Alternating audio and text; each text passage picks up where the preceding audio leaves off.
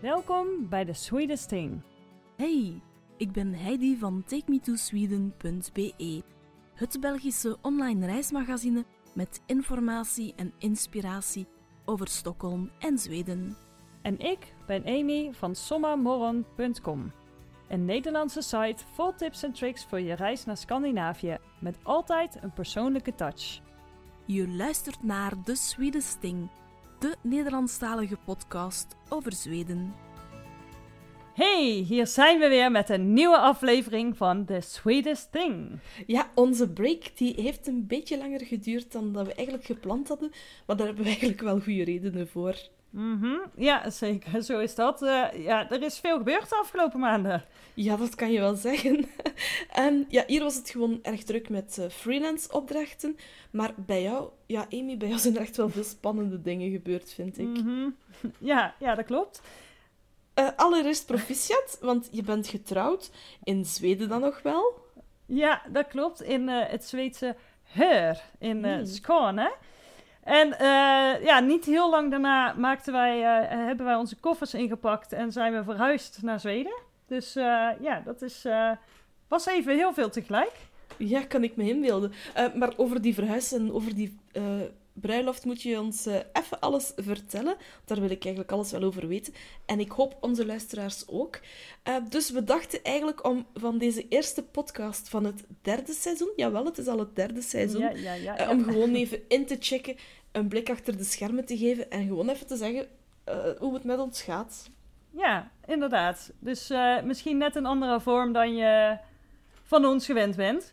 Maar buiten dat huwelijk en eh, de verhuizing, jij bent voor het eerst sinds een tijdje toch weer naar Zweden geweest. Hè? De persreis naar Skåne. Ja, inderdaad. Het was heel fijn om terug te zijn. Ja, dat kan ik me voorstellen. Dus daar wil ik ook het een en ander over weten. Dat is goed, we kunnen gewoon even gezellig bijkletsen. Yes. Dus beste luisteraars, neem gewoon een tas thee of koffie en eh, zet je erbij aan onze virtuele keukentafel.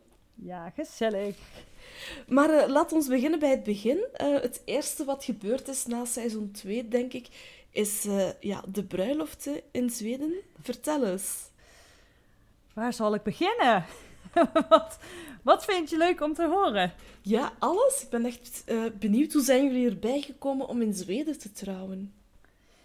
Ja, ik, dat mag denk ik geen verrassing zijn. Eh nou ja, eigenlijk... ehm, Maurice heeft mij dus ten huwelijk gevraagd toen wij op vakantie waren in New York eh, in 2019. Ja, voorjaar 2019. En die avond gingen wij nog even ergens eten in een restaurant en we keken elkaar aan en we zeiden, wat nu? Want ja, het was niet iets waar we heel veel over gepraat hadden. En eigenlijk zeiden we daar op dat moment, mocht het lukken, dan zouden we het heel graag in Zweden willen doen. Gewoon een gevoel. Dus we zijn eigenlijk begonnen met, nou ja, wat informatie eh, zoeken. Van ja, hoe werkt dat dan? En eh, hè, ja, waar dan? En, dus ja, het begon eigenlijk heel praktisch. Eh, dat moest een beetje vorm krijgen van hoe dan, eh, hoe moesten mensen daar dan naartoe komen. En zo kregen we langzaam een beetje een beeld van, oké, nou, we vinden het fijn als mensen er naartoe kunnen vliegen. eh, voor als ze gewoon alleen maar voor de bruiloft op en neer kunnen. Maar het moet ook goed aan te rijden zijn. Eh, als mensen bijvoorbeeld hun vakantie ervan wilden maken. Dus om die reden wilden we het echt in de zomer. Dat het echt ook een zomervakantie zou kunnen zijn. Dus zo kwamen we eigenlijk al heel snel op Skåne, waar we toch al heel veel kwamen. Dus eh, Mhm. ja. Dus we zijn eigenlijk in de zomer van 2019 een aantal locaties gaan bekijken. Eh, zes, geloof ik. Eigenlijk verdeeld over eh, heel Skåne. En ehm, Het leuke daarvan is dat, er een van, dat ik een van die locaties ook bezocht heb op een persreis. Hè? Had je me- Ja. ja, hè? dat had je hem op Instagram laten ja, weten. ja, ja, ja. De, de, de, de wijn, wijnvelden, ja, hè? Ja, inderdaad. Ja, en, en ja, weet je, er is zoveel moois. Dat, ik bedoel, er zijn zoveel mooie locaties. En eh, ook dat vond ik een hele, hele mooie. Maar daarvan hebben wij toen wel gezegd, ja, is dat typisch Zweeds? Je kunt ook, in, mijn broer is in Frankrijk getrouwd, die woont in Frankrijk. Eh, ja, tussen de wijngaarden. Dacht, ja, is dat dan... Wij wilden heel graag mensen een stukje van Zweden laten zien... waar wij heel vertrouwd mee zijn. En ja, dat was niet per se de associatie die wij daar dan bij hadden. Ook al weet ik dat er heel veel, eh, hè, dat, dat, dat die wijngaarden er zijn. En uh, uiteindelijk hebben we gekozen voor het, uh, oh, en dan hoop ik dat ik dit goed uitspreek, want ik vind het een heel moeilijk woord. Bochekloster, slot. het is echt ik, nou, lastig, lastig woord. Uh, in het plaatsje Heur, eigenlijk in het midden van Skane. Daar waren we in 2015 of 16 voor het eerst geweest. En daar zagen we toen een bruidspaar. En toen zeiden we tegen elkaar: Wauw, wat een onwijs mooie locatie om te trouwen. Mm -hmm. Zonder enige bijgedachten. Gewoon meer van: Wow, ik snap dat je deze locatie hebt gekozen. En we hadden dus eigenlijk in de zomer van 2019 heel veel locaties bezocht. En toen zeiden we: Misschien moeten we daar eens terug gaan. Eh, nou ja, goed. En ik zei tegen Maurice: Ja, we hebben al zoveel mooie locaties gezien. Um, ik, uh, ik zal op mijn blog ook een lijstje zetten met een paar locaties waar we geweest zijn. Misschien vinden mensen dat wel leuk. Want de, uh, er zit ook wel, uh, er zat bijvoorbeeld een beeldenpark bij, wat echt wel ook de moeite waard is om te gaan kijken. Warnas, Warnas Konst. Um, en we kwamen aanrijden bij het slot. En we liepen daar door, door het park wat erbij zat. En we zeiden, dit is het. Gewoon meteen. Hmm. Dus uh, ja, dus dat werd de locatie. Leuk, ja. Uh, en dan, ja, het zal misschien te uitgebreid zijn, maar de papierrompslomp om te trouwen. Hm. Kan je daar heel yep. kort iets over vertellen? Want ik weet dat dat niet over rozen gelopen is. Nee, nou eigenlijk is het vrij simpel. Om te kunnen trouwen in Zweden moet je uh, een document inleveren bij, uh, uh, bij Skatteverket. Waarin je eigenlijk aangeeft, joh, volgens de wet in Nederland of in België mogen wij trouwen. Dus je bent geen familie van elkaar, je bent niet al getrouwd, weet je, al die voorwaarden. Nou, dat is niet een standaard document dat ze in Nederland hebben, dus dat moet je bij je eigen gemeente aanvragen. Dan maken ze dat voor je. Ga je in Zweden, lever je dat in, kopietje van je paspoort en dan krijg je een hin zoiets. Nou ja, in ieder geval een bewijs dat je mag trouwen. Uh, dat moet je dan geven aan degene die jou officieel trouwt. Dat gebruiken ze voor het uh, papierwerk. Uh, dat is eigenlijk best goed gegaan. Waar het niet dat we twee keer moesten doen, omdat we het een jaar moesten uitstellen vanwege COVID. Het ding zat er meer in de juiste documenten weer terugkrijgen om het in Nederland te kunnen inschrijven, het huwelijk. En daar, uh, ja, kijk, wij hebben geen, we hadden nog geen persoonsnummer. En ja, als je dat persoonsnummer niet hebt, dan doe je nog niet echt mee in de Zweedse maatschappij. Mm -hmm. Dus dan is alles net een tikje lastiger. En uh, eigenlijk is het gewoon, ja, je moet uittreksels hebben van uh, opnieuw. Van hey, dat huwelijk heeft plaatsgevonden op die datum, die plaats. Uh, en dit is degene die jullie getrouwd hebben. Op papier is dat heel simpel. In de praktijk heeft het ons een maand of twee gekost. Mm -hmm. Ja, misschien dat persoonsnummer moeten we misschien even uitleggen voor de luisteraars. Ja, dat is eigenlijk een beetje zoals wij in België het Rijksregisternummer hebben. Alleen hebben de Zweden dat echt voor alles nodig. Ja. Het gaat zelfs zo ver dat als ik bijvoorbeeld in Stockholm in een winkel iets wil kopen, um, ik de korting niet kan krijgen omdat ik geen lidmaatschapkaart kan ja. krijgen van die winkel, omdat ik geen persoonsnummer heb. Ja. Uh, en er, zo zijn er nog wel dingen. Hè. Amy kan straks nog wel een voorbeeld geven waar dat persoonsnummer nodig voor was. Um, maar even over de bruiloft verder.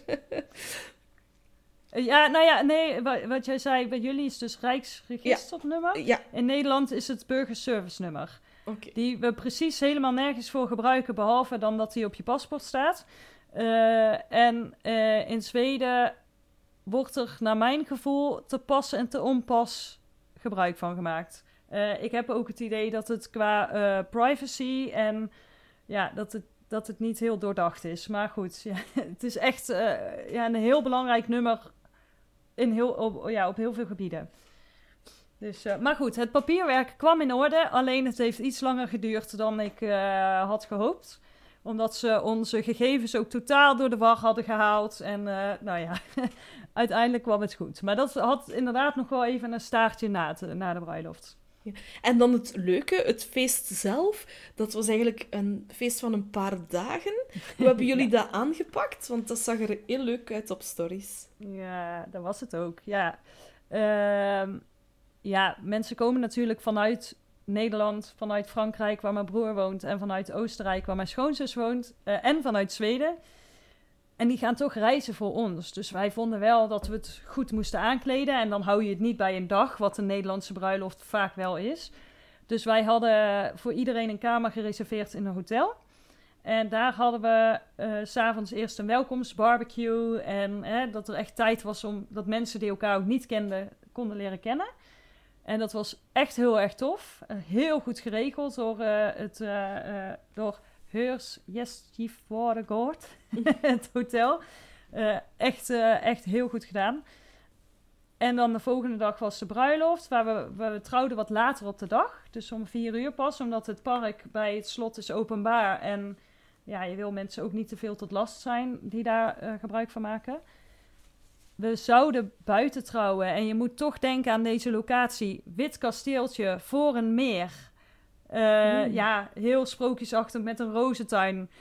Uh, we zijn er diverse keren geweest in de afgelopen jaren. En altijd was het goed weer. Oh nee, en op de dag zelf niet. Het was echt dramatisch. Het regende zo hard. Dus we hebben alles naar binnen moeten halen. Uh, nou ja, goed, we wisten het van tevoren, dus het was geen last minute beslissing. Heel jammer wel. Gelukkig hebben we tussen de buien door wel buiten wat foto's kunnen maken. Dus dat, uh, hè, dat is, daar heb je dan toch wel uh, wat beeld van. Maar het was echt wel heel erg zonde.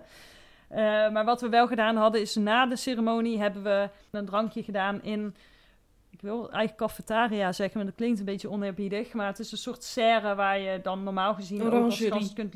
Ja, uh, waar je kunt, kunt lunchen hè, of een taartje eten. En dat is helemaal van glas. Dus dan kon je toch uitkijken op het kasteel en, uh, en het meer, on, ondanks de regen. En ze hadden voor het feest hadden ze buiten een tent neergezet met lichtjes eronder. En het was wat dat betreft helemaal goed geregeld. Jammer dat het regent. Maar ja, hey, als dat het enige is waar je dan zorgen over moet maken, nou prima, laat die regen maar komen dan. Is er zo geen gezegde dat als het regent op je huwelijk, dat het een uh, goed huwelijk wordt of zo? Ja, nee? nou dat zeiden ze in Zweden wel, dus uh, daar ga ik voor. het, kijk, we hadden natuurlijk wel wat maatregelen. Uh, we zaten, Zweden had een aantal fasen hè, van, van deze zomer, van waarin ze langzaam gingen versoepelen. En wij zaten in de voorlaatste fase, wat betekende dat mensen een vaste zitplaats moesten hebben. Uh, niet mochten eten en drinken staan. Uh, er mo mocht alleen buiten gedanst worden en er mochten geen drankjes op de dansvloer dus. Dat hoorde bij die regel. En er mochten maar een x aantal mensen, uh, ik weet even niet meer, volgens mij maximaal acht mensen aan een tafel. Het is heel lang acht geweest dan per tafel, ja. Dat ja. Is, uh, pas later dus, geannuleerd. Ja, dus we hadden wel wat, uh, wat regels, ook bij die barbecue. Ja, daar hadden wij natuurlijk een beeld van dat het allemaal lekker door elkaar ging mingelen. En dat mocht niet. Mensen moesten echt wel zitten. Maar goed, uiteindelijk komt dat vanzelf wel. Weet je, als die sfeer wat losser wordt. Dat was uh, eigenlijk allemaal heel goed te doen. Dus ja, al met al kijk ik er heel positief op terug. En natuurlijk, ja, gelukkig. Uh, het enige is, ja, we hebben de foto's nog maar deels gehad, helaas. Ook al is het toch al even, ligt het al even achter ons. Uh, maar goed, ik hoop dat dat allemaal nog wel, wel in orde komt. Maar nee, het is, er is eigenlijk niks waarvan ik denk, dit hadden we anders moeten doen of willen doen. Of, oh, we hebben dusdanig last gehad van de maatregelen dat dit of dat echt moeilijk was ik ben vooral echt heel blij dat het heeft kunnen doorgaan op de manier zoals we het hebben kunnen doen. Ja. ja, ja. Dus, uh, ja. En dan na het huwelijk, de huwelijksreis. Niet in Zweden. Daar was ik wel een beetje verbaasd eigenlijk. Oh, ja? ja? Ik had gedacht dat jullie misschien een rondreis of zo zouden eraan koppelen. Of... Ja. Ja, ik weet niet. ja, nou, we zijn een week voor de bruiloft wel, waren we wel al in Zweden. En dat was ja, weet je wat heel leuk is? Als je dan langzamerhand... Kijk, voor ons is Zweden al zo lang thuis, min of meer. Mhm. Hè? Ja. Um, heel veel van onze vrienden en familie waren er nog nooit geweest.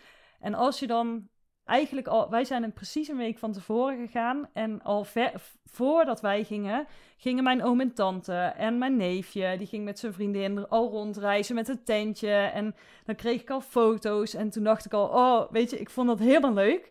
Uh, maar als je dan ook daar zelf bent, dan zie je langzaamaan mensen binnendruppelen. En we zijn met vrienden, met mijn broer, met zijn gezin, uh, door Söderossens Nationaal Park uh, een rond, rondje gaan wandelen. En dan daar uh, uiteindelijk eindigen met worstjes op de grill. En we zijn gaan kanoën. Weet je, als je dat kunt delen met vrienden en familie, ja, dat, eigenlijk was die voorpret gewoon al zo onwijs leuk. Dus die hele aanloop uh, daar naartoe. En toen dachten we, ja, wat gaan we doen? Gaan we in Zweden blijven of gaan we echt iets anders doen? Maar omdat er dus een verhuizing zat aan te komen, zeiden heel veel mensen tegen ons: ga even iets anders doen. Neem even afstand, ga even echt met z'n tweeën uh, iets anders doen dat je, dan je normaal gewend bent om te doen. Misschien wat luxer of zoek wat zon op of wat dan ook. Uh, maar, en toen dachten we, ja, misschien moeten we dat ook maar doen.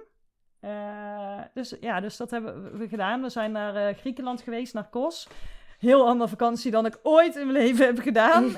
ik zou het denk ik ook niet heel snel nog een keer doen. Maar nee, het was, het was echt wel, wel, wel heel leuk. Um, maar eerlijk gezegd kon ik niet wachten om daarna toch ja, maar terug dat te gaan je, Ja, dat is ook omdat je wist wat er zou gebeuren. Hè? Zeker, Want uh, jullie zouden naar Zweden verhuizen.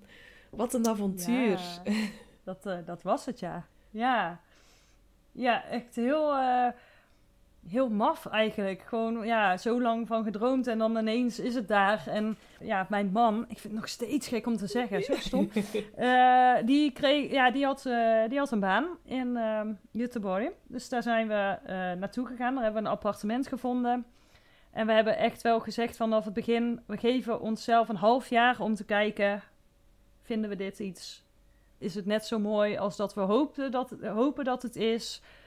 Het was niet meteen voor ons een definitieve verhuizing, maar we dachten echt: oké, laat ons even een jaar of een half jaar gewoon wennen, ervaren, kijken en dan zien we wel hoe het loopt. Dus uh, ja, we waren goed en wel terug van die huwelijksreis en uh, we vertrokken alweer. Dat was best wel even een rollercoaster, ja.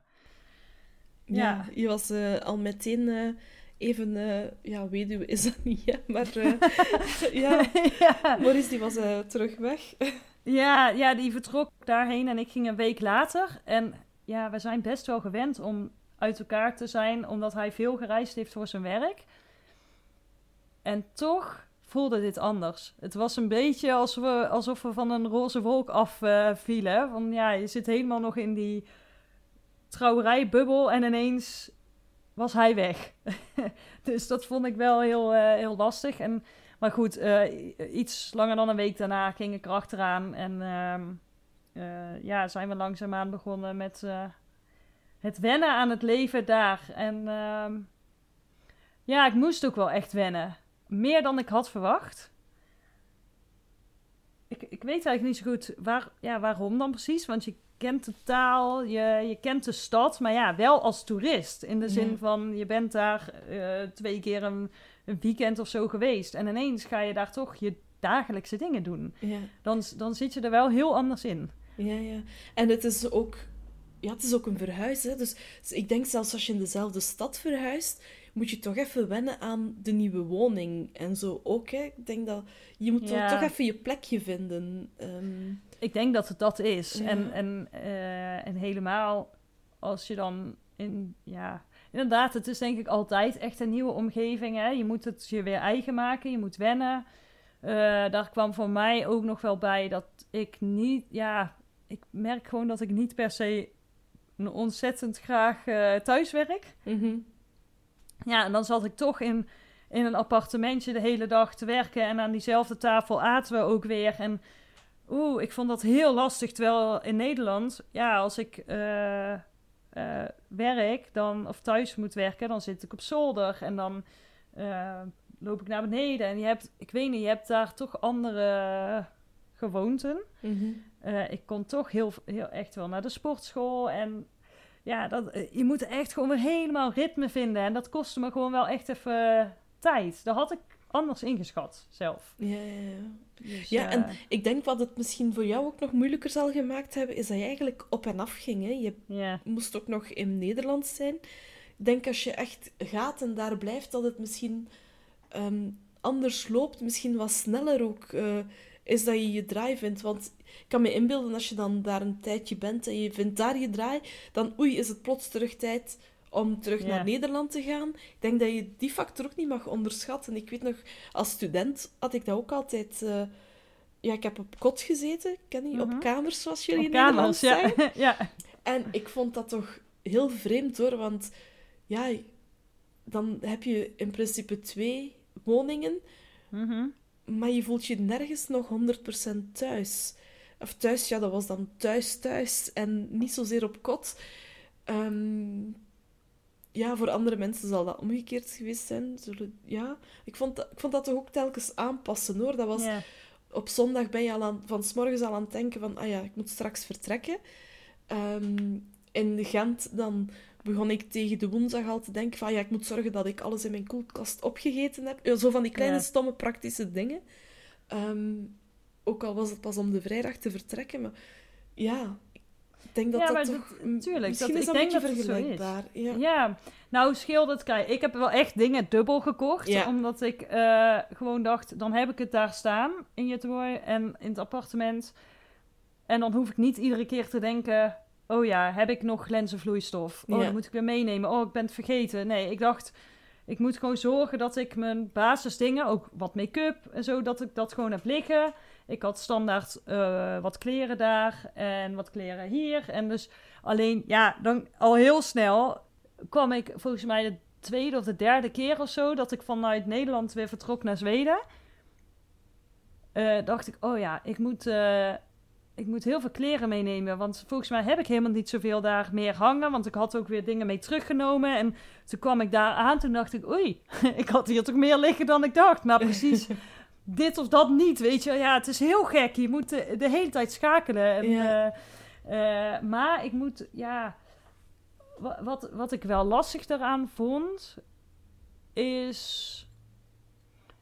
Zweden begon wel steeds meer als thuis te voelen. En zeker toen ik mijn sportkaart had, dat Mhm. ik gewoon echt een eigen ritme kon maken. Gewoon even iets voor mezelf had. eh, Nu we het Alleen- over die sportkaart hebben, ja. dat was wat ik bedoelde met die persoon, Oh, met, dat persoonsnummer van daarnet. ja. dat die nog eens terug ging komen. Want het was eigenlijk, dat was Mhm. eigenlijk waardoor je pas later kon beginnen sporten, hè, omdat je Ja. eerst dat nummer nodig had. Hè. Maar vertel maar verder. ja, nou ja, nee, ja, ik kan het wel even vertellen inderdaad. Want wat hij straks dus al zei, is je moet overal een persoonsnummer voor hebben. Voor een klantenkaart, voor een eh, abonnement, eh, wat dan ook. En dus ook voor een sportabonnement. En de sportschool in Eriksbergen, waar wij dus een appartement hebben, ehm, is niet bemand. Daar zat geen receptie eh, bij. Dus het enige waar je daar, hoe je daar binnen kunt komen, was eh, met een app eh, waar je abonnement op eh, zat. Die moest je dan eh, ja, tegen zo'n scanner houden. Of met een eh, klantenkaart. Nou ja, en die kon je online afsluiten, mits je een eh, persoonsnummer had. Ja, die had ik niet. Dus toen heb ik gebeld en gemaild en nou, uiteindelijk, eh, nou allemaal moeilijk, maar kon het dan. Maar dan moest ik wel bij een eh, vestiging helemaal aan de andere kant van de stad zijn. En daar kon ik dan mijn abonnement afnemen. Dus de eerste keer dat wij met de auto naar de stad gingen, naar, naar Zweden reden vanuit Nederland, ben ik mooi daar langs gereden en heb ik het geregeld. Maar ja, dat is inderdaad, ja, was, was even onhandig. Eh, overigens heb ik wel geleerd inmiddels dat het soms dus ook kan zonder persoonsnummer in winkels. Want ze accepteren ook wel eens een lidmaatschap op eh, e-mailadres. Eh, was mij totaal onbekend. Ik, ik heb Indiska is een van mijn favoriete winkels in, in Zweden. Of kledingwinkels, accessoires. En ik heb echt, denk ik, de afgelopen jaren wel twintig keer gevraagd of ik echt geen lid kon worden om ook gebruik te kunnen maken van die kortingen. Nou ja, en nu sprak ik dan e- één dame die het geduld had en de rust tijd nam om even te kijken of er een andere optie was. En die zei, ah ja, het kan wel op e-mailadres. Oké, ik ga dat ook eens proberen bij eh Oleens, want eh, daar zijn ze ook hardnekkig. Ja, ik heb het daar gevraagd ook, want toen dacht ik, hé, hey, het kan misschien op meer plekken. En ze zeiden nee, Nee. maar ja. Je, weet, je weet het niet. Eh, volgens mij is het ook een kwestie van net iemand treffen die. Ja, ja. eh, ook zin heeft om even verder te denken dan, eh, ja, standaard. Ik ga het nog eens proberen, je weet nooit. Dus, maar goed. ik weet eigenlijk al niet meer waar ik was. Ja. net. Oh ja, over dat, over dat wisselen. Nou, dat, dat Zweden zeg maar steeds meer thuis voelde. En dat ik steeds meer het gevoel krijg... Oh ja, ik begin hier echt wel te wennen. Het, het, het begint zeg maar allemaal een beetje vorm te krijgen. En dan ga je dus weer naar Nederland. En dan verwacht ineens iedereen van alles van je. Dan moet je even daar langs. Dan wil die iets van je. Dan die vrienden heb je al even niet gezien. Mijn moeder, mijn schoonouders en allemaal leuk. Maar ik vond het heftig. Omdat je natuurlijk in Zweden eigenlijk vooral met z'n tweeën bent. En Mhm. ik had al wel wat mensen ontmoet. Eh, daar was ik wel echt heel proactief al mee bezig. Maar ja, dan kom je weer terug in Nederland. Terwijl je eigenlijk toch grotendeels met elkaar bent. En ineens iedere avond weg. Iedereen wil wat van je. Oh, ik vond het heel... Oeh. ik- dus toen dacht ik... Oh, ik ben blij als ik weer terug kan. ja, dat, is, dat zijn van die dingen die je dan... Ja, die er ook bij komen kijken. Ja, ja, ja. Je ontdekt misschien een kant van jezelf die je niet verwacht had. Hè? Van, oei, ik hou toch misschien wel van, eh, van minder sociale avonden ook of zo. Of wist je al voorhand al? Nou, nee, ik ben er juist achter gekomen dat ik het werken met collega's echt heel erg waardeer. Ja. Dat, het, eh, dat juist de sociale contacten op kantoor, dat, dat dat voor mij heel belangrijk is. Mhm. Eh, maar ik, vond het, ik vind steeds het contrast zo groot, zeg maar, Ja, tussen ja, ja. eh, eh, de twee plaatsen, zeg maar. Maar goed, al met al, de stad is echt waanzinnig. Het is superleuk. We hebben heel veel leuke dingen al gedaan. Volg me als je het leuk vindt ook op Instagram. Daar deel ik ook het een en ander. Ja, dus daar ligt het niet aan. In de laatste zinnen die je zo zegt, Amy, klinkt iets door.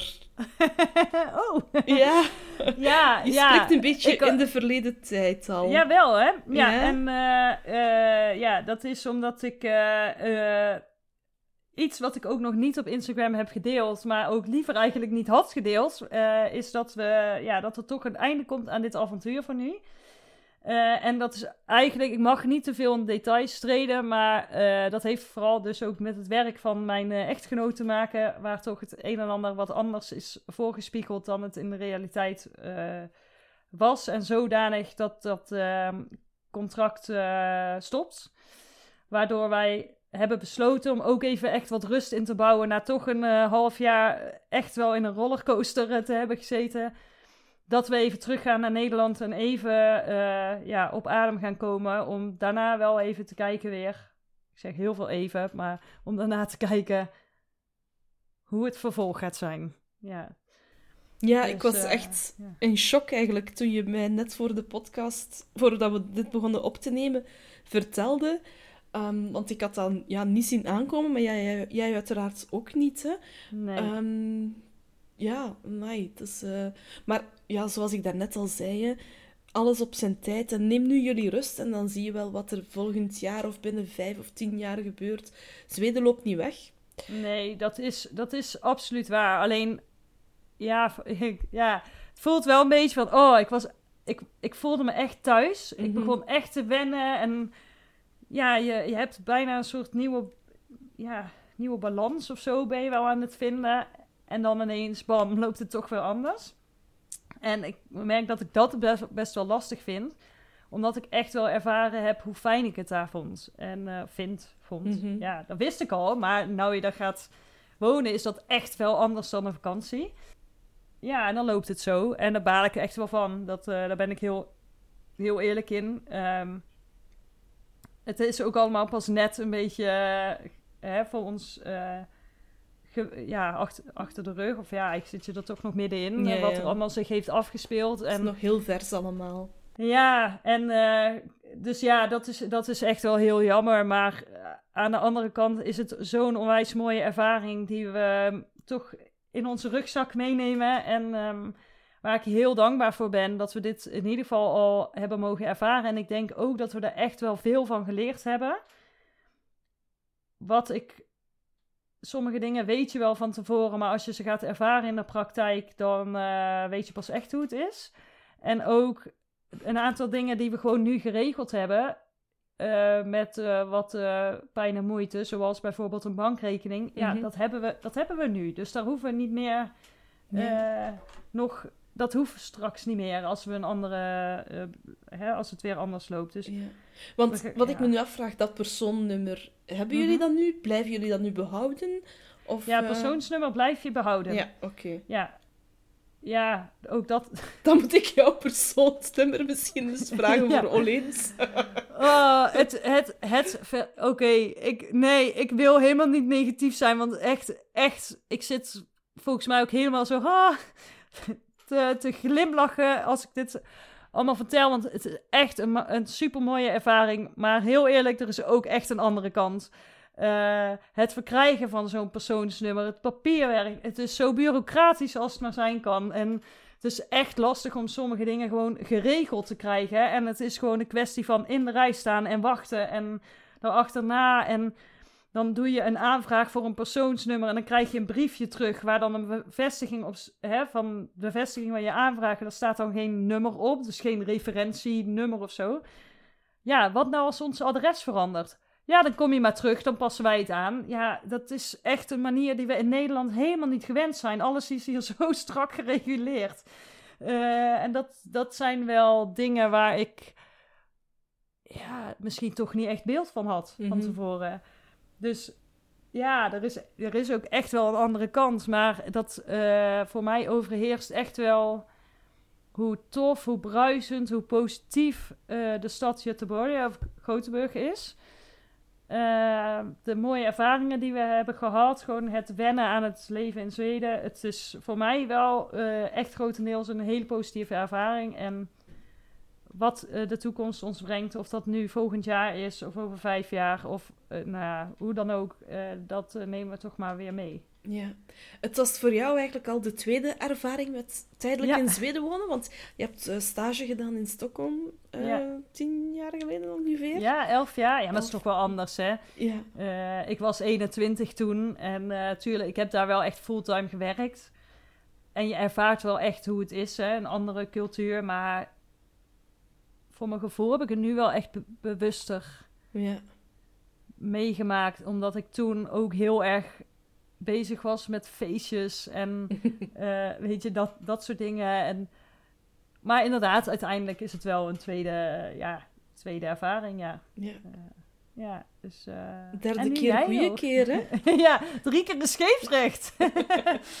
ja, zeker. En jij, is het iets voor jou? Heb je er, heb je er ooit over nagedacht? Of... Ik vind het wel leuk om... ehm, ja, ik zeg, zeg nooit nooit, maar ik zou... ehm, ja, ik heb hier mijn familie en ik denk dat Ja. dat een grote factor is. Bij jullie is dat anders, hè? Jullie zitten sowieso wel wat meer verspreid Ja, over de ja, dat is zeker waar. aardbol. Eh, maar wij wonen hier allemaal echt vlak bij elkaar. Ehm, Mijn moeder woont twee blokken van mij. Mijn zus, eh, ja, ietsje verder, maar ook nog op geen kilometer van mij. Dus ehm, ja, ik denk dat dat gewoon al anders is. Maar zeg nooit nooit. Ik zou het zelf persoonlijk wel heel leuk vinden. Ehm, en ik wil ook wel... allee, ik zou het zo wel eens willen doen voor een paar maanden of zo. Oh ja. om, om het toch eens een gevoel te hebben. Ehm, maar ik denk dat ik liever... ehm, ja, het toch ergens als vakantiebestemming wil Ja. houden. Alhoewel, ja... ehm, vakantiebestemming... Ja, ik werk soms ook vandaar en dat zal waarschijnlijk nog wel iets meer worden in de toekomst. Maar ja, het lijkt mij wel een leuke droom, maar voor mij eentje die ik daarom niet per se hoef te realiseren. Nee, oké. Ehm, Ik kan me ook wel voorstellen als je, Ooit misschien. als je familie zo dichtbij woont en hè, dat is toch iets waar je ook waarde aan hecht. Eh, volgens mij ben je ook al zeer gehecht aan het wonen bij de zee. Ja, absoluut. Maar Kan dat in kan in Zweden ook. Ja, dat kan in Zweden ook ja. hè. Ehm, Zeker. Ja, want... Ja... ehm, en mocht ik mijn familie kunnen... Weet je, ik, ik denk altijd dat ik het jammer vind dat ik daar niet geboren ben. Oh ja, ja. Ehm, dat zou het gewoon allemaal makkelijker maken. Want, en dat heb ik nu ook al. ehm, dat je, je voelt, ja, ik voel me daar ook thuis. ja. En als je daar dan niet bent, dan mis je het daar. Maar omgekeerd ook, als ik dan daar ben, dan ja, vind ik het toch ook altijd wel leuk om terug te komen. Vooral ook naar de familie, hè. Maar Ja. Ehm, ja, Ja, maar dat, maar dat heb ik op zich ook wel hoor. Want eh, op eh 20 minuutjes rijden van ons woont mijn oudste broer met eh, mijn neefje van zes. Die logeert toch wel geregeld bij ons. Of geregeld, ja, zo nu en dan. Maar ik zie hem best wel veel. Als ik dan denk aan helemaal verhuizen. Mhm. Ja, dan denk ik wel, oeh, dan zou hij wel degene zijn die ik... Ja, dat, dat zou ik denk best wel lastig vinden, omdat je nu toch eh, daar heel eh, nauw mee verbonden Ja. bent. Want Aan- realistisch, ja. dan zie je die nog twee of drie keer op een jaar. Hè. Ja, want, maar dat zie ik Zij dus bij mijn één keer broer. naar Zweden komen, maximum. Want Ja. ja. dan moeten zij hun vakantie elke keer naar Zweden gaan, omdat ja, tante je zou toch vaker in Nederland zijn. En dan moet je zelf... Ja, en je gaat ook niet elke maand terug naar België of naar Nederland komen als je echt Nee. volledig naar daar verhuist, denk ik dan. Nee, en, en toch... dat wil ik dan ja. ook weer niet. Allee, ja, ik heb mijn, mijn neefjes en mijn nichtje, ik zie die in de zomer elke dag. Ja. We hebben samen een strandcabine. Eh, en ook in de winter zie ik die meerdere keren per week. Eh, dus ik, ja, alleen al voor hen zou ik eh, de stap Ja. niet kunnen zetten. Denk Begrijp ik. ik wel. Ja. Maar mochten zij daar wonen, ja, direct, of mochten zij Ja, meegaan, ja, ja. meteen. maar hè. hoe groot is die kans? Ja, voilà. Pas op, ik ben ze toch al een klein beetje Zweden-minded aan het maken. Ehm, maar ja, ik kan ze ook wel eens mee naar daar nemen op vakantie of zo. Oh, Dus goed idee. Ergens Ja. is het wel een droom om ook in Zweden te wonen. Maar voor mij op dit moment niet eentje die ik ook echt moet Nee. eh, verwezenlijken. Nee, maar zeg nooit nooit. Ja, het hoeft ook niet, hè. En je hebt op een andere manier een connectie met Zweden. En iedere manier is natuurlijk goed. En, maar wat, ja, wat ik nog wilde zeggen van... eh, mijn, mijn andere broer woont dan in, in Zuid-Frankrijk en die heeft twee kinderen. En toch merk ik dat ik met, met hen... We hebben, we hebben elkaar de laatste maanden wel iets meer gezien. Ja, dat, toch is dat ook goed. eh, die connectie. Alleen mijn nichtje werd vorig jaar geboren. Die heb ik het eerste half jaar gewoon niet kunnen zien. Ja, Vanwege alle regels. En ja, dan is het toch anders als je wel dicht bij... Dan ben je ineens wel ver uit elkaar, hè? ja, ja. ja. Eh, en dan is het toch anders als je 20 minuten rijden woont... of ja. toch, eh, laat ik zeggen, 1200, 1300 kilometer verderop. Ja, dat, is, eh, ja dat, dat zijn wel belangrijke aspecten, hoor. Eh, ik heb ook wel het idee, als ik heel eerlijk ben... ik krijg veel berichten van mensen, voornamelijk via Instagram...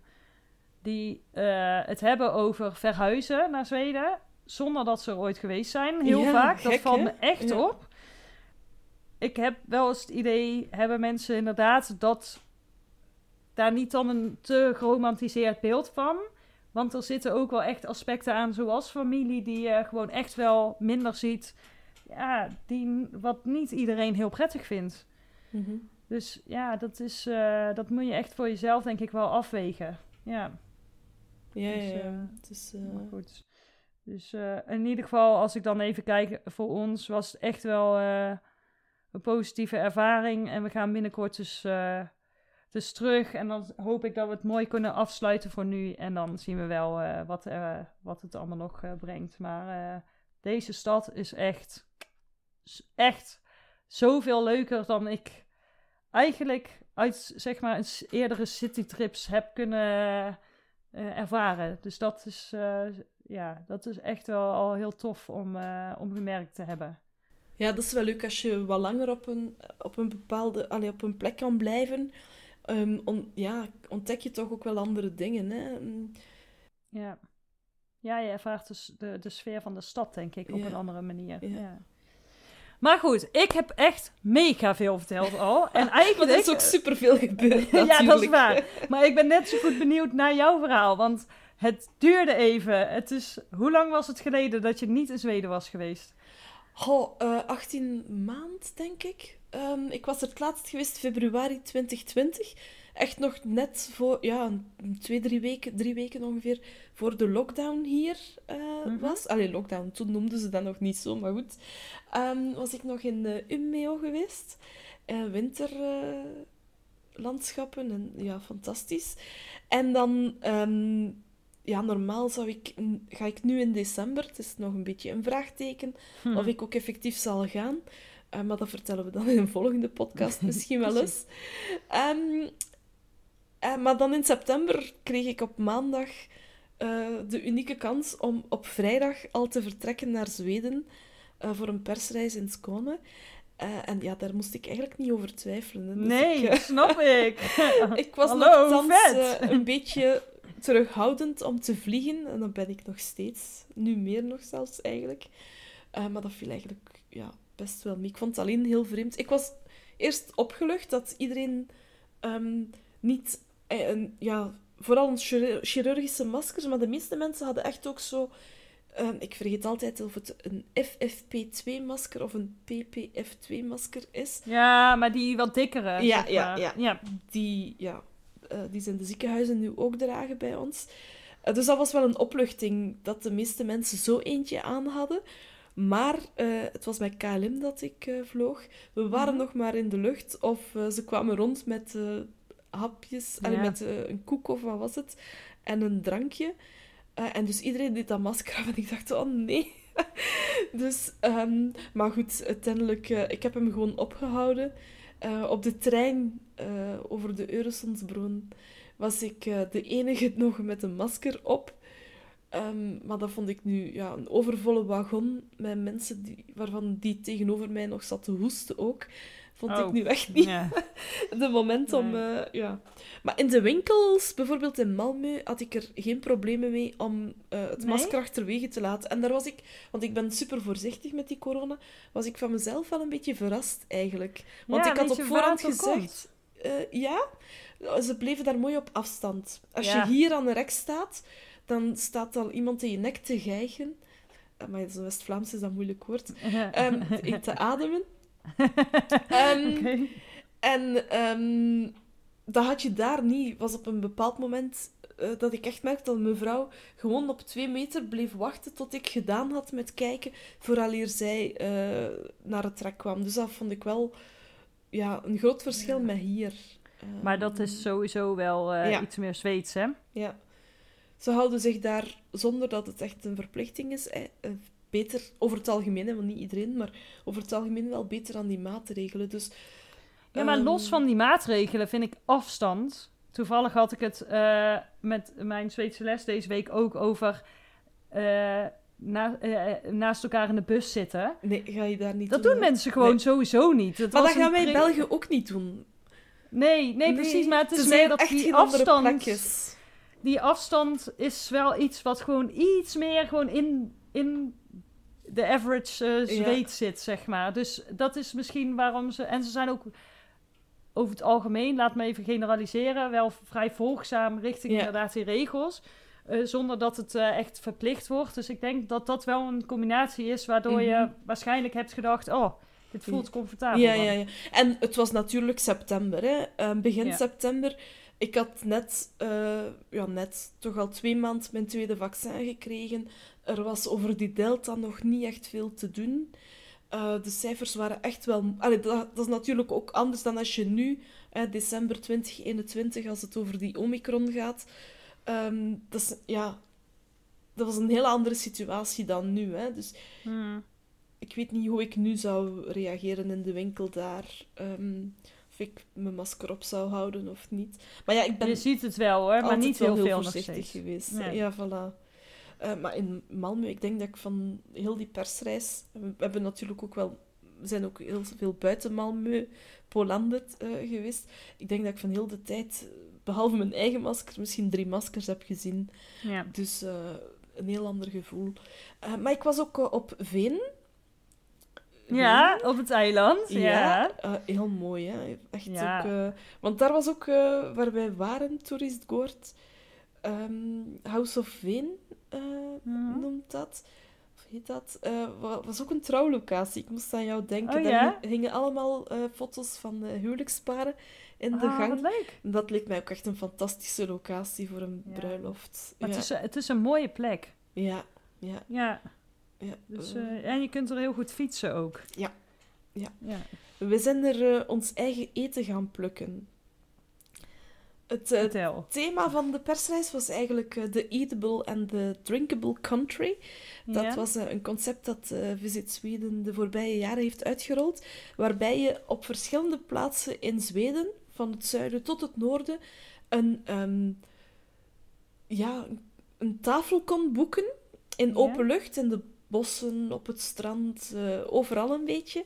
En dan, eh, ofwel ga je dan onder begeleiding, of, eh, ofwel op eigen houtje, dingen plukken in de natuur. Ehm, Ja. We hadden fantastische gidsen. We hebben dat twee keer gedaan. Een keertje in Oermanijs en een keertje op Veen. Een keertje echt in de bossen en dan een keertje aan de kust. Ehm, en dan pluk je dingen waar ze dan... ehm, de ene keer hebben we zelf moeten koken, dat was in het bos. En in Veen hadden we echt een, een fantastische chef die daar dan ehm, gerechtjes mee klaarmaakte. En dat was Cool. super. Het was echt heel, ja, een hele mooie ervaring. Ik heb Ja. er eh, al over geschreven. Er staan twee artikels eh, van die Eatable and the Drinkable Country eh, van Veen en Oermanes op de site. Het is echt een aanrader. Als je de kans hebt, eh, moet je het zeker ook eens eh, doen. Je kan ook op eigen houtje aan de slag. Er zijn eh, drankreceptjes. Ehm, maar ja, ik persoonlijk zou het zelfs nu na die twee keer onder begeleiding nog niet op eigen Nee. houtje durven doen. Toch niet, ja, bessen en zo. ja, tenminste, ja, het zal je wel herkennen. Ehm, maar zeker van paddenstoelen en, en van onkruid, want Ja. je plukt ook onkruid om te eten, kan je volgens mij toch wel makkelijk missen als je het niet... Ja, honderd- dat denk ik ja. ook. Ja. En, en, en de- aan de kust dan? Waar moet ik dan aan denken? Wat voor dingen heb je daar geplukt? Ja, eh, zeewier uiteraard. Ehm, maar ook bijvoorbeeld ja, gewoon kruiden en bessen die langs eh, de rand van het eh, eiland groeiden. Mhm. Ook ehm, zeekool, dat was super lekker. Oké. dan, ja, ik- de namen weet ik niet allemaal, maar er was ook een plantje dat een beetje naar komkommers smaakte. Er was een plantje dat eh, de smaak van mosterd had. Ehm, er was ook eentje die wat eh, wasabi-achtig was. Mocht je niet te veel van eten. Ehm, ongelooflijk eigenlijk hoeveel dingen je daar kon plukken eh, om te eten. Ah, wat tof. Ja, was echt... En, eh, en hoe werkt dat dan? Want eh, ik heb er natuurlijk wel wat over voorbij zien komen, maar kun je zo dat boeken en waar dan? Of hoe, hoe, hoe als, als, als je nou door Zweden reist en je wil zoiets ook een keer proberen, hoe Ja. werkt dat? Ik denk dat je het wel best op voorhand reserveert. Ehm, en op de site van Visit Sweden kon je eigenlijk een, ja, zien wie dat allemaal aanbiedt. Kun je Oh, ja, per regio zien waar je daarvoor terecht kon. En dan boek je eigenlijk echt wel op de site van de aanbieder. Oh ja, oké. Ja. Maar dat is ook nog wel eh, bijvoorbeeld eh, komend, eh, komend jaar of komende zomer nog wel te doen. Ja, er zullen er zeker een aantal zijn die het nog zullen aanbieden. Ja. Ja. Er zijn verschillende concepten. Hè. Je hebt verschillende prijsklasses ook. Ehm, ja, je kan met of zonder gids, met of zonder kok. Mhm. Ehm, dus ja, bijvoorbeeld in Oermanes eh, doe je dan ook, help je dan ook met de afwas. Dus daar kook je Ah, ja, zelf en, en, eh, help je ook met de afwas. Dus, maar allemaal in het bos op een prachtige locatie. Eh, dus eh, dat is wel tof. leuk. En Ja. ze voorzien ook altijd wel wat seizoensproducten. Eh, zodanig dat als je echt niets gevonden hebt of zo, of te weinig, eh, dat ze toch wel wat achter de hand eh, ja, hebben. juist. Ja, Dus ja. De gids in de Oermanes die had bijvoorbeeld 's morgens al wat ehm, extra paddenstoelen geplukt. Ehm, dus, en er was ook een stukje wild en een stukje vis voorzien. En in Veen eigenlijk net hetzelfde. Daar hadden ze ook nog wat extra vis en zo. Oh ja, precies. En oesters. Oh, oesters op de barbecue met kaas. Dus gegratineerde oesters Ja? op de barbecue. Super lekker. Ja. Oké, eh, dat heb ik nog nooit eh, geproefd. Dus ja, het was ook de eerste klinkt ja, bijzonder. Ja, dat was super lekker. en dan, ja, eh, met bijpassende drankjes ook. Ehm, dus ja, dat was... eh, ja, het zijn- je kan ook gewoon de drankjes doen. Er zijn ook locaties waar je enkel eh, de drankjes doet. Dus de drinkable Oké. country dan. Aha, Met allemaal oh, dingen uit de eh, natuur. Ja, Ja, wat, eh, wat tof. ja, Leuke ervaring lijkt me wel. ja was absoluut... eh, En ehm, eh, maar je was dus naar die twee locaties geweest voor, nou ja, dit thema eigenlijk. Maar Ja. heb je ook meer gezien gedaan of naar andere locaties Ja. nog? Ja, we hebben in Veen een aantal dingen bezocht. Ehm, daar zit een distillerie, Oké. de Veen Spirit of Spirit of Veen. Eh, en die zijn blijkbaar echt wel ehm, befaamd. Die hebben een, een onderzoekscentrum ook. eh, en daar maken ze niet alleen hun eigen eh likeuren en zo, en sterke dranken, maar ook ehm, doen ze onderzoek voor een aantal andere merken. Oké. Ehm, dus dan, dat stukje mochten we niet zien, want hij was net bezig. Het is een familiebedrijf trouwens. Ja. Dus, eh, en de meneer was net bezig met een, een nieuw concept uit te werken. Oh Wat ja, dus ook- dat was top secret. Ja, ja, ja. En wat ook heel leuk is, is dat ze daar eh, onderzoek doen naar ehm, hoe muziek smaak van bepaalde dranken kan beïnvloeden. Ze hebben daar echt de houten tonnen staan met Ja. een koptelefoon op. En in de Nee, ene joh. spelen ze klassieke muziek, in de andere rock eh, of jazz.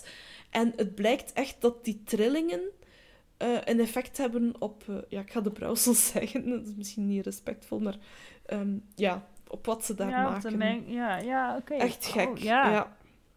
Oh, wel vet interessant. Ja. Ja. Ja, vond ik Leuk. ook, want Ja. ja, ik drink zelf amper alcohol. Ehm, maar het was toch wel interessant om te zien hoe ze dat er allemaal maken. En, eh, en vooral dan ja, het onderzoek dat ze doen ook. Hè. Ehm, ja. Ehm, maar ze hebben zo typische flessen, een beetje driehoekig-achtig. Oké. Eh, dus die zou je misschien wel al in Systembolaget, de staatslijterij, eh, gezien hebben. En dan, ja, Fleidje, daar hadden we het daarnet al over, de Ja. wijngaard. Ja. Eh, daar was Jason, ehm, een jongen uit, of ja, meneer, uit China, die daar echt de wijnspecialist is. Oké. En die vertelde vol passie over zijn ehm, job daar en over de wijnen. eh, en de speciale dingen die ze moeten doen om eigenlijk de druiven zo noordelijk eh, goed te kunnen doen groeien. Ja. Nou, het is wel grappig, want ik denk niet dat heel veel mensen eh, weten dat er echt ook wijn uit Zweden komt. Nee, ja, ik wist dat ook niet echt. En de wijn smaakt blijkbaar wat zoeter. Ehm, is hoger suikergehalte in de druiven. En bijvoorbeeld in de winter... ehm, ja, en ze, moet, ze hebben ook maar een hele korte periode dat ze ze Ja. kunnen oogsten. eh, en, en ja, laten groeien. En dan in de winter, dus ja, laat, late zomer misschien zelfs al, beginnen ze met ehm, het bedekken van de druivenranken om met de stro. En dat zorgt er niet alleen voor dat de temperatuur beter blijft, ehm, maar ook eh, eh, dat het bijvoorbeeld niet zo snel kan bevriezen, maar ook dat het minder, dat, dat het vochtiger blijft. Oh, zo. Oké. En dan is... Ja, dat is ik beter hè, geen- voor. Ja, ik, ik kon ook niet zoveel van van wijn, wijn, dus... maar ik eh, vond dat wel super interessant om, Ja. om te zien dat ze, ondanks de temperaturen, ja, want we zitten toch vrij noordelijk, dat ze er toch in slagen om eh, ja, daar wijn te maken door Ja. een aantal aanpassingen. Ehm, dus dat was wel leuk. En daar bleven Ja. wij ook slapen. De kamers die hadden eh, namen van eh, wijnen. Ik sliep zelf in de Bourgogne. dus dat was wel grappig. Eh, Ja, het is wel echt wel een mooie locatie, Ja. hoor. Dat, ja. En ook gewoon vrij te bezoeken, geloof ik. Ja, Hè? Als je ja. daar iets wil drinken of eten of zo. Ja, Ja. je kunt daar gewoon Ja. ook, volgens mij ook door een stukje door die wijnranken, zeg maar, dat tussendoor lopen. Een supergoed restaurant ook. We hebben heerlijke dingen gegeten. En uiteraard ook de wijnen geproefd. Want dat heb je natuurlijk wel in Zweden. Je kan de wijngaard bezoeken, maar je kan niet zoals in Spanje dan ook een paar kistjes wijn mee naar huis Nee. nemen. Want ze Dat mogen niet, dat niet verkopen. Dat is Nee. enkel via Systembolaget. Dus Nee. als je ze wilt proeven, moet je er ook iets eh, eten best. Ja, dat is hetzelfde bij, eh, ja, ik zeg altijd Chivik. Volgens mij is het Chivik, toch? Eh, de appel, Ja. appelboomgaarden, juist aan de andere kant. Mhm. Eh, dus eh, meer in het zuidoosten is dat. Ja. Daar, dat is echt, eh, zeg maar, het Apple Paradise van, van Zweden. Maar als je daar naar de, ja, laat ik zeggen, de fabriekswinkel gaat, daar heb je alle appelproducten of alle producten die ze produceren, kun je daar kopen zonder alcohol. ja. want de appelciders en de appelwijnen, die met alcohol mogen echt alleen bij Systembolaget uh, verkocht worden. Dus ja, ja dat, is, dat is heel maf eigenlijk, hè? Want dan ben je Mhm. toch vanuit nou, diverse andere landen wel echt anders gewend. Ja. Ja, ze hebben eh, die musterie waar je van spreekt, heeft ook een ehm, bijhuis, zal ik zeggen, dichtbij waar wij waren. En dat stond eerst op het programma, maar uiteindelijk hebben we dat dan toch niet meer bezocht. Dus ja, ehm, daar moet ik uh, nog eens voor teruggaan. Ja, Uh, want dat is wel ja. met een persreis, je ziet heel veel op een paar dagen tijd. Zie je echt heel veel, uh, allee, je bezoekt heel veel locaties, alles wordt in een... Maar het wordt heel erg wel uh, voor je besloten, hè? Het is... Uh, ja, je gaat echt van... Ja, van, je volgt een programma wel, hè? Ja, ja precies. Ja, van ja. locatie naar locatie, daar zit weinig ruimte in om dan te zeggen, ook ga ook nog even daarheen of daarheen. Of, ja. ja, nee, dat wel. Maar het is ook wel leuk, omdat je op die man... Ja, ik zou anders misschien niet in Spirit of Win uh, terechtgekomen zijn. Nee, en ik vond dat ik. Ja, wel interessant om, om te horen. En dan was er ook nog een microbrouwerij die we bezocht hebben. Okay. Um, en die man die vertelt ook super gepassioneerd over de bier die ze daar maken. Uh, in uh, Remarloof, dat kan je ook gewoon uh, bezoeken. Um, ja, echt tof. En dan was er ook nog de plukboerderij, daar was jij ook al eens geweest, hè? Ja, klopt, ja. Ja, vond ik wel grappig, want jij deelde het op Instagram en ik herkende het meteen. En uh, grappig genoeg staat hij dus echt al heel lang. Ik heb zo'n lijstje met allemaal artikelen die ik ooit nog wil schrijven. En hij staat erop en het komt er elke keer niet van. En toen dacht ik, oh ja, ja, ja, dat is. Uh, oh, maar het is wel echt een heel schattige plekje eigenlijk. Hè? Ja, ja. Een leuk winkeltje ook. Um, ja. Ja, moeten inhouden dat, uh... om daar niet te veel te kopen. ja, en goede taartjes. Hoe heette zij ook alweer? Um... Brenner Rietskoort. Ja, inderdaad. Dat is hem. Ja, wij hebben er niet... Um, we hebben er geen taartjes gegeten. We hebben er uh, een, ik heb er een hamburger, een vegetarische hamburger gegeten. Oké. Okay. Ja. Oh ja, nee, Dat is ook ja, lekker hoor. Ik, uh, dat, uh, nee, ik was van de taartjes. Leuk, maar je hebt in ieder geval concluderend weer even een flinke doosje Zweden kunnen ja, ja. opdoen. En dan nog en... een paar dagen Malmören achteraan. Ah, uh, het was ja, an, ja anderhalve ja. dag. Wat boodschapjes in de koffer mee, misschien? Mm -hmm, ja. Niet zoveel, want ik was uh, hand luggage only. Ja, oké, okay, maar, maar, toch. Uh... oh, heerlijk. Dus je was weer even. ja. Even, even daar. Nou, fijn. Dat, is, uh, dat moet toch wel even gewoon heel leuk geweest zijn. Ja, ja dat was echt een leuke verrassing om september ja, te beginnen. Ja. Snap ik, ja. Ik hoop dat je je comfortabel genoeg voelt om te gaan. Kijk, in principe mag het natuurlijk. Ja. Ik vind het een beetje dubbel, omdat ja, de cijfers zijn echt niet goed. Het is niet echt het moment om op reis te gaan. Aan de andere kant ja, heb ik daar ook wel wat werkafspraken. Dus ja, het zou niet onlogisch zijn om te gaan. En ook mentaal zou ik er wel deugd van hebben om ja, um, nog eens maar na dat twee is ook jaar belangrijk, in hè? te zijn. Dat is ook dus, belangrijk. Um, maar kijk, ik ga er nog even over slapen. Ja. Ik heb nog een paar nachtjes om erover te slapen. En dan uh, zie ik wel wat ik doe. Ja. Ik heb enkel de vlucht geboekt. Um, de rest heb ik eigenlijk nog niks vastgelegd. Nee. Behalve een julboord um, in Skansen, dat wel. En ik heb een hele lijst met dingen die ik allemaal wil doen. Um, maar ik durf er nog uh, voorlopig nog niet nee. te veel bij stil te staan. We zien wel wat uh, de oh, komende weken brengt. Zo'n julbord. Ja, hè, je zei al tegen mij dat, dat we dat echt moesten reserveren. Ja, wij zijn toch in uh, december nog in, uh, in Gothenburg. Dus ja, ik wil eigenlijk wel echt proberen of het, of het lukt. Ik zou het jammer vinden als het niet lukt. Maar het is toch wel heel tof. En je ziet het nu wel echt helemaal veranderen in een soort kerstparadijs. met alle lichtjes. En we zijn in um, al geweest. waar ja, Jul Liseberg inmiddels gestart is. Ja, ik kan me heel goed voorstellen dat je dat gewoon wel wil ervaren. Weliswaar in Stockholm, maar mm -hmm. ook daar is natuurlijk alles wel echt aangekleed. Dus eh, uiteindelijk is het een beslissing die je zelf moet maken natuurlijk. Ja, ja. En eh, daar moet je goed over nadenken. Ehm, Ja, ik heb ze allebei al met kerstsfeer gedaan, hè, Göteborg en eh, Stockholm. En ik weet wel dat Göteborg zich dus de kerststad, Julstaden, noemt. Maar ik vind eigenlijk dat Stockholm veel meer kerstsfeer uitstraalt dan eh Göteborg. Maar ja, ik heb natuurlijk wel sowieso een voorkeur voor Stockholm. ja, ja, ja, Ehm. voor mij is die herinnering echt wel een beetje vervaagd. Ik heb wel kerst eh, in eh Skansen meegemaakt. En... Maar heel eerlijk gezegd, ja, vond ik juist eh Liseberg wel echt, echt heel, heel sprookjesachtig. Maar goed, ja, ja, ja, het is ieder zijn voorkeur. En Ja. nou, ik, zou het gewoon super Haga vinden dan je- wel. Haga en Ja? eh Kroonhuisboederna, dat vond ik in Göteborg dan wel veel authentieker misschien dan Liseberg. Ja, ja dat geloof ik wel. Want Ja. dat, uiteindelijk is dat super commercieel. En, eh, maar het is wel gewoon is echt heel leuk tof. met die lichtjes. Hè? Ja. Ehm, maar we hebben dat in dezelfde twee, drie weken gedaan. Drie weken. Dat we ook ehm, Kopenhagen gedaan hebben Ja. met ehm, Tivoli. En Mhm. ja, dan was Tivoli wel net iets ehm feerieker dan eh Oh ja? Ja, vond dat toch wel...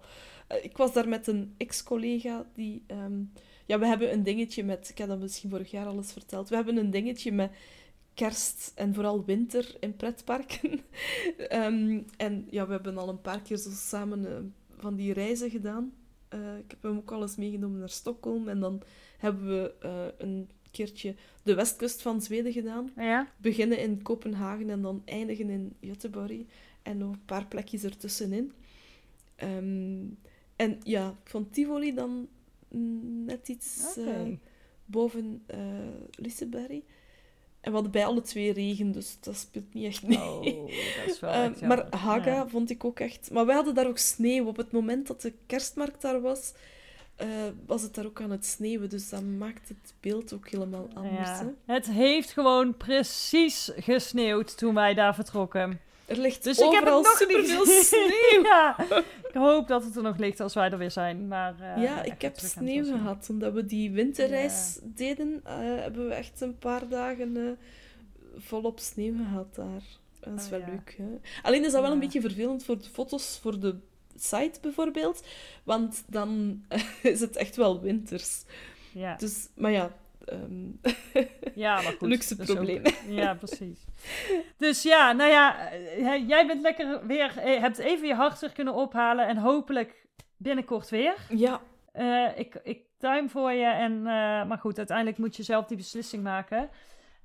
Nou ja, en voor ons was het een onwijs bijzonder, ook maar heftig halfjaar. Ehm waar ik heel veel van geleerd heb en ook wel echt heel veel warme gevoelens bij heb. Eh, en ja, hoe dat gaat aflopen, dat zien we dan vanzelf wel weer. Ehm, in ieder geval zijn wij terug met een paar nieuwe afleveringen. ja. We hebben eh, al een paar ideetjes. Maar Ja. meer ideetjes zijn altijd welkom. Ja, zeker. Ja, dus eh, we willen toch ook dit, dit seizoen weer een aflevering of acht maken. Dus blijf vooral lekker meeluisteren.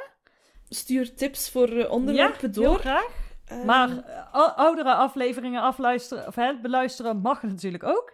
We zien dat dat nog volop gebeurt, hè. Dus eh, wat dat betreft zijn we heel gelukkig. Ja, dat is heel leuk om te zien ook. En laat ons ook weten wat jullie ervan vinden. Dat is ook altijd plezant om te horen wat jullie ervan vinden. Goed of slecht. We leren ook Ja. graag nog bij. Zeker weten, ja. Dus dat mag je heel graag. Misschien nog een leuk kleine laatste dingetje voor we, hè, voor we afronden. Eind december staan we in het magazine van Svenska Kuriren, dus van de Zweedse Nederlandse vereniging. Met een artikel en wat foto's over de podcast, eh, wat, wat achtergrondinfo. Dus mocht, er, mocht, je, hè, mocht je luisteren en lid zijn, dan ga je ons binnenkort teruglezen in het magazine. Misschien eh, vind je het leuk eh, Ja. om, om dat te bekijken.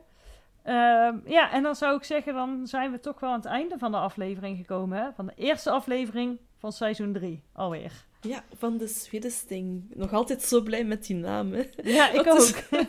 Het is ook zo fijn om eh, terug achter deze microfoon te zitten. Ehm, binnen twee weken zijn we er dus terug met eh, een nieuwe aflevering. Ja, zeker weten. En eh, vergeet ons zeker niet te volgen op Instagram. Eh, Heidi's Instagram-naam is takemetosweden.be. Volgens mij is die wat veranderd ten opzichte van...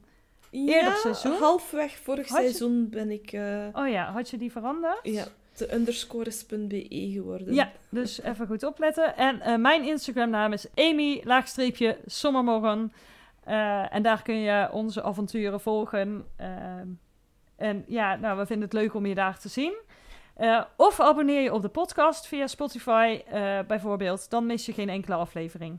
Ja, en je kan het uiteraard ook volgen via takemetosweden.be slash podcast of sommarmorgen.com slash podcasts.